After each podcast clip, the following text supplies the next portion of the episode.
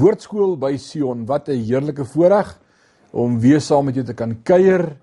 Uh ek het 'n gedagte of twee dat ons in die week wat kom dalk sê daar kan so 20 of 25 ouens registreer om vir ons woordskool opnames by die kerk uh te kom bywoon. Ek kry energie uit mense uit voor my en op die stadium om na die rooi ligte te kyk werk nie so lekker nie. So ons gaan probeer om so stadig maar seker die greep bietjie te verslap alhoewel ons moet veilig wees. Baie van ons is blootgestel aan hierdie pandemie en hierdie virus en ons bid ook vir die wat siek is onder ons en tussen ons, maar iewers moet ons net weer mekaar in die oë kan kyk as dit by die woord kom. Dis 'n voorreg om met jou te kan gesels. Vanaand wil ek met jou 'n 'n nuwe boek doen wat ons nog nie gedoen het in die Nuwe Testament, die Filemon. So blaai so lank saam met my na Filemon en ons gaan vanaand aan daardie een hoofstukkie, 25 verse en ons gaan hoor wat sê die boek Filemon vir my en vir jou. Voor ons begin, kom ons sit net so dan bid ons saam. Ewige God en Hemelse Vader, wat 'n wonderlike voorreg om u woord te kan oopmaak. Ons verklaar ons het u woord lief, u woord is kosbaar vir ons. En dankie dat u ook vanaand deur hierdie woord met elkeen van ons gaan praat. Ons eer u daarvoor in Jesus naam. Amen. Great. Filemon, 'n kort klein brief uh met 'n praktiese kragtige inslag.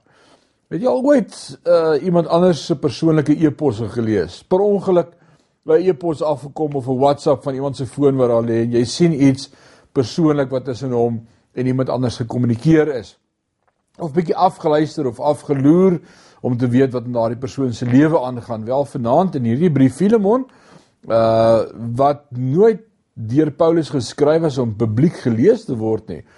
Uh, so dit was 'n uh, ander brief anders as al die ander briewe wat hy geskryf het om kerke te vermaan en vir lering en vir teregwysing en teologie. Hierdie brief was 'n persoonlike motivering geweest vir 'n persoonlike vriend van hom. En hierdie boek Filemon is uniek want dit is 'n persoonlike brief van 'n persoonlike vriend aangaande 'n persoonlike probleem. So dis 'n persoonlike aangeleentheid. Maar hierdie brief is vir ons ook as deel van die woord ingesluit en vanaand gaan dit jou bless soos wat dit my ook gebless het. So Paulus het geen idee gehad dat ons vanaand hierdie boek sou bestudeer nie. Om insig te kry aangaande vriendskap en om te deel met moontlike omstandighede en oor uiteindelik die werk van Jesus Christus, ons redder en ons saligmaker. So vanaand gaan ons bietjie die gordyn wegtrek en 'n dieper kyk kry in die persoonlike lewe van Paulus. As jy nou al gedink het jy verstaan Paulus se karakter, vanaand gaan jy 'n paar nuwe goed sien wat jy nie geweet het nie. So die jaar is 62 na Christus. Paulus is in Rome in in gevangenis, eintlik onder huisarrest. Te alle tye is hy vasgebind in kettinge tussen wagte in sy eie huis gewees en hy kon bietjie kom en gaan soos wat hy wou terwyl hy aan die waste aan die, aan die wagte vasgeketting was. 24 uur 'n dag 7 dae 'n week. En terwyl hy in Rome is lei hy daar 'n jong man met die naam van Onesimus na die Here toe. 'n jong man wat 10 teen 1 en ons wonder daaroor op daardie stadium dalk in die gevangenis selfs was en ons sal nou lees wat het gebeur. Maar iewers in Rome ontdek hy hierdie jong man Onesimus en hy lei hom na die Here toe. So het hy iewers in kontak gekom. Hy was 'n slaaf gewees, Onesimus, wat weggeloop het en in Rome gevang is. So dalk was hulle nog saam in die gevangenis gewees vir 'n ruk. Maar Paulus lei hom na Jesus Christus toe en dan ontdek Paulus dat Onesimus geld van sy heer gesteel het toe hy weggeloop het. Maar Paulus besef, hy ken Onesimus se heer. Dit was 'n goeie vriend van hom gewees met die naam van Filemon. Filemon wat in Kolosse gewoon het. Hy was 'n welafman gewees en hy was 'n gelowige man gewees, 'n godsman. So Paulus hy sê moenie bekommerd wees nie. Ek gaan vir Filemon 'n brief skryf want Onesimus is op pad terug na Filemon toe uh, en op pad na Kolosse en Paulus stuur nou vir hom 'n brief saam met Onesimus na Filemon. En dis nou sommer net die inleiding van vanaand. So as ons hierdie brief lees, dan jy nou so 'n redelike agtergrond van hoe steek dinge in mekaar hier. So kom ons begin by Filemon 1 vers 1. Paulus 'n gevangene van Jesus Christus. Nou nou Paulus baie interessant. Hy begin gewoonlik sy briewe om te sê hy's 'n apostel van Jesus Christus. Vanaand sien ons hier in Filemon, hy hy begin deur anders te skryf. Hy sê ek is 'n gevangene van Jesus. Hy hy kla nie, maar hy verduidelik Filemon, ons is eintlik almal gevangenes van Jesus en van Jesus Christus. Ons skuld almal alles wat ons het vir Jesus Christus. So dadelik stel hy hierdie prentjie vooraf. Hy weet waar hy nou op pad is. Dit is baie interessant want hy gaan praat oor die gevangenes, oor die slaaf Onesimus, maar hy begin sommer en hy sê vir Filemon, "Hey, ons is almal slawe. Ons skuld alles wat ons het vir ons Here en Meester Jesus Christus." So Paulus in die gevangenis en hy kla nie daaroor nie, maar sien wel God se hand in dit raak in God se plan met sy lewe, want hy lei mense na die Here toe wat hy nie andersins sou kon by uitkom nie. God is in beheer van sy lewe en hy kla nie oor die gevangenis nie. Hy sien en gebruik elke geleentheid wat hy het. Ek dink ek en jy moet meer attent raak op God se plan en dit waarmee God met ons besig is eerder as om te kla oor ons omstandighede. Mag ek en jy ook God se hand in alles begin raak sien. En dan sê hy en die broeder Timoteus. Nou nou Paulus op die ouderdom hier van 60 is is besig om ook ander jong manne op te lei vir die bediening om die bediening by hom oor te vat en nou wil hy bietjie gesag ook gee aan Timoteus. So hy sê uh ek skryf as gevangene hierdie brief vir jou maar Hier's Timoteus ook, uh, my opvolger, ook 'n jong man wat saam met my is. Paulus, 'n gevangene van Jesus Christus, en die broeder Timoteus aan Filemon. Filemon, ons skryf vir jou, nie net ek nie, ons die geliefde en ons mede-arbeider. Filemon, ons erken jou as 'n mede-arbeider. En aan uh Apia Eh, die geliefde suster, nou ons neem aan dit was Filemon se vrou gewees, Apia eh, en en ook aan Archippus, ons medestryder. Heel moontlik Filemon en Apia se seun gewees. So dit was 'n hele familie gewees, Godsvreesende familie en aan die gemeente wat in jou huis is. So Filemon was 'n gemeenteleier gewees. Dit's beautiful hierdie gedeelte. Uh ek en jy moet ook gemeenteleiers wees. Jy hoef nie 'n pastoor te wees of 'n teologiese graad te wees te hê om 'n gemeenteleier te wees of 'n gemeente in jou huis te hê selfs nie. Dis sê vir my hoe werk dit? Begin sommer by jou huisgenote. By jou broer, by jou suster, by jou ma, by jou pa, by jou kinders, by jou familie. Bedien hulle met die woord, met die liefde en die wysheid van Jesus Christus. Nou hierdie jong man, Filemon, Hy het God liefgehad en hy het sy huis bedien, sy vrou, sy kind, maar daar was ook saam met hulle in die huis 'n gemeente gewees. So hy was 'n gemeenteleier. Nou hoor wat sê Paulus in vers 3. Genade vir julle en vrede van God, ons Vader en die Here Jesus Christus. Ek dank my God altyd wanneer ek aan jou in my gebede dink. Omdat ek van jou liefde en geloof hoor wat jy met betrekking tot die Here Jesus en al die heiliges het. Pragtig. Vandag word daar baie gepraat en gefokus op voorkomende medikasie of medisyne om te sorg dat jy nie 'n sekere siekte sal kry nie. Eerder as om te wag tot jy siek is en dan die simptome te dokter. Voorkomend. Dis presies wat Paulus hier doen. Wanneer Paulus bid vir die gemeente, dan sê hy ek het gehoor van jou gemeente, ek het gehoor jy bedien die liggaam en ek het vir jou begin bid voordat daar probleme kom dat die Here jou sal bless. En ek dink dis 'n goeie manier om vir mense te bid. Ons bid baie keer net vir ouens as ons hoor dit gaan met hulle sleg of hulle is siek of daar's probleme in hulle lewe. Paulus sê ek bid vir almal sodat dit met jou sal bly goed gaan. Dis 'n goeie manier, goeie gewoonte wat ons hier by Paulus kan leer vanaand. So my voorstel vandag en daar's 'n beter manier, is bid vir almal al gaan dit met hulle goed, bid en bless hulle. Hy sê ek dank my God altyd wanneer ek aan jou en my gebede dink, omdat ek van jou liefde en geloof hoor wat jy met betrekking tot die Here Jesus en al die heiliges het. En dan sê hy dat die gemeenskap van jou geloof kragtig mag word deur die kennis van alles wat goed in julle is tot eer van Christus Jesus. Hy sê ek bid vir jou en ook dat jy mag groei en nog meer effektief sal wees in jou bediening. Wat 'n bediening? Om die geloof te kommunikeer. En hoe kommunikeer hy sy geloof? Hy skryf dit vir hom. Daai sê deur die kennis van alles wat goed in julle is. Jy geweet die wêreld neem kennis van jou. Jou huisgenote, jou familie, jou vriende, ouens saam met wie jy werk, werkskollegas, hulle neem kennis van jou.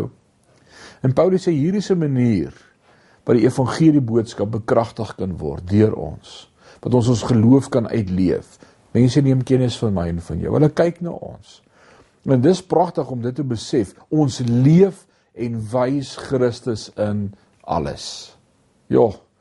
Kan ons vir mekaar vanaand die vraag vra? Leef ek soos Christus? Wys ek Christus? Of moet ek baie keer verskoning maak vir hoe ons optree? kan ek regtig vanaand sê kyk na my dis hoe liefde lyk. En dis eintlik wat Paulus hier sê, hy bid vir Filemon. Hy sê en dis my gebed vir jou deur die kennis van alles wat goed in julle is, dat mense sal kennis neem dat Christus in jou bly. Vers 7. Want ons het groot blydskap en troos oor jou liefde, omdat deur jou broeder die harte van die heiliges verkoop is. Alles ek vasgebind Al as ek tussen wagte, hier's blydskap in my hart as ek hoor van die werk wat jy doen Filemon daar in jou gemeente. Geen rede om nie bly te wees nie. Vers 8. Daarom al het ek baie vrymoedigheid in Christus om jou te beveel wat betaamlik is, pleit ek liewer ter wille van liefde.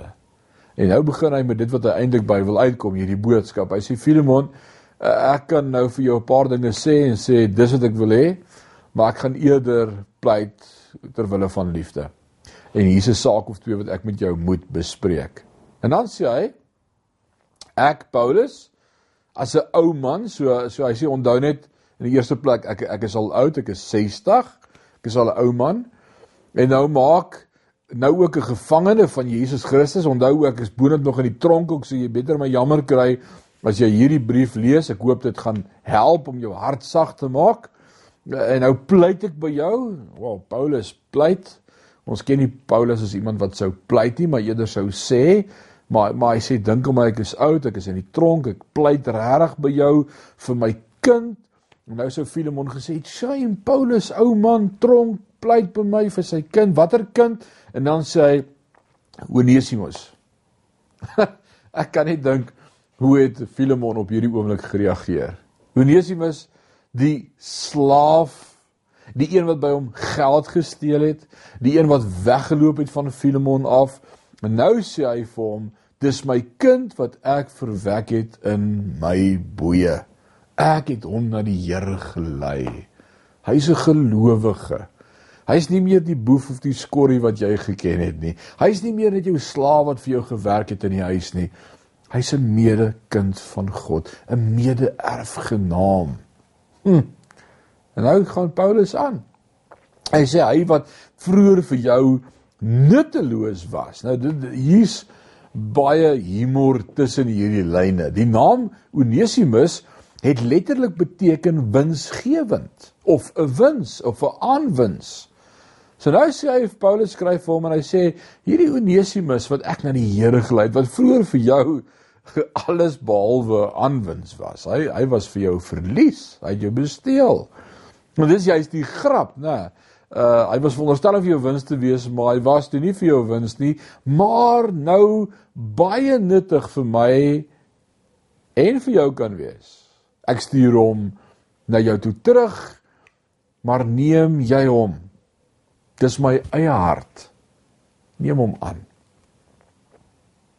Filemon hierdie eie kind van my, as 'n ou man in die tronk gevangene pleit ek by jou, hierdie jong man wat ek na God gelei het, my eie kind. Jou slaaf, ja, hy het 'n verlede. Maar hy het by Christus uitgekom by die kruis. En ek wil hê dat jy hom sal terugvat. Ek stuur hom na jou toe om te kom regmaak. Maar vergewe hom. Neem hom aan soos my eie hart. Wow.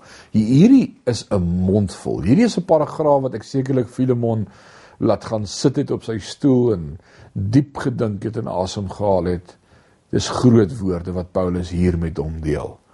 En hy sê vir hom neem dit aan dis my eie hart. Vers 13 sê ek wou hom by my hou. Nou Paulus sou op daardie stadium iemand soos uh Onesimus by hom sou kon gehad het. Hy het vir Timoteus by hom gehad as een van die ouens. Ons gaan later aan die einde van die hoofstuk sien, daar was 'n paar broers by hom gewees, Lukas en Demas en uh, hulle het hom gehelp dien, dinge vir hom gedoen, dalk selfs geskryf. Hy het aan hulle gedikteer, skryf hierdie vir daardie gemeente en maak so en, en stuur vir daai en groete en kry bietjie vir my dit. Hulle het hom gehelp en hy sê ek sou ek sou hom graag hier by my wou gehad het. Dis so belangrik hy vir my en vir die bediening is. Maak stuur hom terug sodat hy my in die boeye van die evangelie in jou plek sou kon dien. Dis dalk 'n 'n blinde sambok. Dalk sê hy hier selfs vir Filemon, Filemon eintlik moes jy hier gewees het om my te dien en te help. Ek steun op jou. Jy weet ek het jou nodig en ek sou graag vir Onesimus hier wou gehad het om in jou plek ten minste my te bedien en te help. Maar ek gaan hom terugstuur na jou toe hier, hier kom restituisie. O, dis 'n mooi woord binne die verhouding met Christus, restituisie om te herstel. En hy sê ek gaan hom terugstuur. Ek wil hom nie hier hou sonder jou goedkeuring. Wou ek niks gedoen het nie. Ek wil nie net dinge doen nie. Ek stuur hom terug sodat jou goedheid nie uit dwang sou wees nie, maar 'n vrye keuse. So eintlik sê hy vir hom ek gaan hom terugstuur. Hier's 'n paar dinge wat hy nog vir hom gaan sê eh, en eintlik sê hy tussen lyne as jy hom wil terugstuur vir my sal dit awesome wees. Maar maar daar's eers 'n paar goed wat moet gebeur en dis hoekom ek hom terugstuur na jou toe. Nou kom hy by die dinge wat moet gebeur. Restituisie, hoe werk restituisie? Man, hierdie boekie bless my ongelooflik baie. Hoor vers 15. Want miskien is hy om hierdie rede 'n tydjie van jou geskei dat jy hom vir altyd kan besit. Nie meer as 'n slaaf nie, maar meer as 'n slaaf, as 'n as 'n geliefde broeder in die vlees sowel as in die Here. Veral vir my. En hoeveel te meer dan nog vir jou. Hy sê dink mooi daaroor. En dis hoekom hy dalk van jou af moes weggaan. Jy het gewonder hoekom het hy jou teleurgestel en geld gevat en weggeloop van jou. Of jy jy dalk teleurgesteld gewees, maar maar hou hou vas Filemon. Daar's alles is dit nie hy wat ook in Romeine 8:28 skryf alles werk met in goeie nie selfs met daai sleg wat gebeur het in die proses kon ek hom na die Here lei en dis 'n goeie ding. Filemon, nou kan jy hom terugkry as meer as net 'n slaaf. Ek stuur hom vir jou terug as 'n broer in die Here. Wow. Dat julle nie net vir altyd by mekaar as slaaf sal wees nie, maar ook in die hemel. Hy's nou 'n broer. Vers 16 sê nie meer as 'n slaaf nie, maar meer as 'n slaaf, as 'n geliefde broeder in die vlees, sowel as in die Here, veral vir my, hoeveel te meer vir jou as jy my dan vir 'n metgesel hou. Neem hom aan soos vir my. Neem hom aan soos wat jy my sou aanneem. En Filemon en Paulus Filemon het Paulus sy lewe geskuld. Filemon is ook deur Paulus na die Here gelei en en en hy is Paulus ewig dankbaar vir alles wat in sy lewe gebeur het. En nou sê Paulus, "Hey, kyk na hom soos wat jy na my sou gekyk het." Wow, dis iets van die hart van Paulus. Hier kom iets van restituisie vanaand deur hierdie gedeelte vir my beautiful uit. En dan hoor wat sê hy verder, hy hou nie op nie. Vers 18. En as hy jou benadeel het, ou oh man, hy het hom benadeel. Onesimus het het het Filemon besteel. En, en nou sê Paulus whatever, wat ook al hy jou mee benadeel het en of iets skuld sit dit op my rekening. Ek Paulus het met my eie hand geskrywe. Ek sal sy skuld betaal. Om nie te sê eers van jou rekening nie, eh, want want jy is daarby jou eie persoon en jy weet jy's alles aan my verskuldig. Maar maar moenie worry daaroor nie. Ek wil nie eers daaroor praat nie. Ek wou dit nie eers genoem het nie. Ek wil dit nie opbring nie. Wat ook al hy jou skuld sit op my rekening. Paulus het 'n ongelooflike manier van humor en tongenetjies en tog sê hy soveel. En sê Filemon onthou onthou net van alles wat jy my skuld. Maar maar nee nee, vergeet daarvan. Wat ook al hy jou skuld sit dit maar op my rekening. So eintlik sê hy vir hom jy beter dit afskryf. Jy beter dit afskryf. Vers 20. Ja, broeder. Mag ek tog van jou voordeel trek in die Here. Verkoop my hart in die Here. In vertroue op jou gehoorsaamheid het ek aan jou geskrywe. Omdat ek weet dat jy nog meer sal doen as wat ek vir jou sê. Wat? Paulus stuur 'n slaaf terug na sy meester. Slawerny, kan jy vanaand vir my sê maar hoe werk dit? Hoe, hoe kan jy die Bybel slawerny goed praat? Paulus gee hom 'n aanduiding. Hy's nie meer jou slaaf nie. Hy's nou 'n broer doen wat reg is. Dis daar's daar's herstel, dis beautiful. En bereid te gelykheid ook herberg vir my want ek hoop dat ek op julle gebede aan julle geskenk sal word. O ja, by the way, doen al hierdie goed, ek hoop jy maak reg met hom. Maar ek kom self. dis nou uh, 'n mooi vloei van die teks, né? Om om seker te maak jy gaan doen wat ek van jou vra. En dan sê hy uh Efrafus, die medegevangene in Christus Jesus groet jou. Ook Markus, uh Aristarchus, Demas, Lukas, sy mede-arbeider. Dan moet ons eendag net oor hierdie name kyk na hierdie individue en wat hulle alles vir Paulus en sy bediening beteken het. Maar dan sluit hy hierdie boekie af in vers 25 wat sê die genade van ons Here Jesus Christus sy met julle gees. Amen. Ek wil vanaand 'n paar dingetjies, net so 4 of 5 goed vinnig uittrek en met jou deel oor die waarde van hierdie boekie. In die eerste plek die historiese waarde. Die insig oor die man wat Paulus was. Dinge wat ek en jy nou van hom leer wat ons nooit van hom sou geweet het. Jy gedink hy's 'n diktator en en hy praat uit die hoogte uit en hy's hierdie slim intellektuele ou en hy sê dis hoe dit sal wees.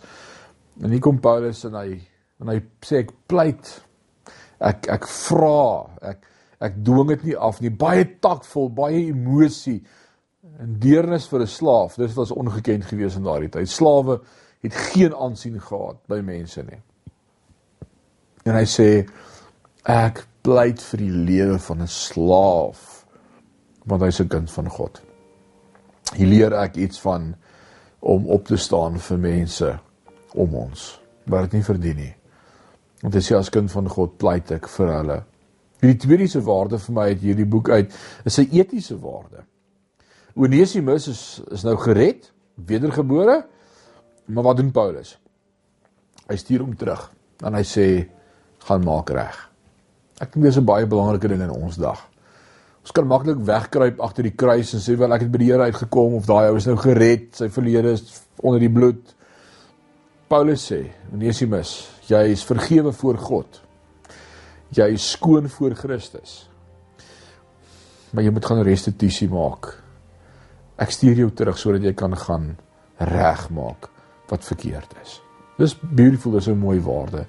In die derde plek dit het 'n teologiese waarde.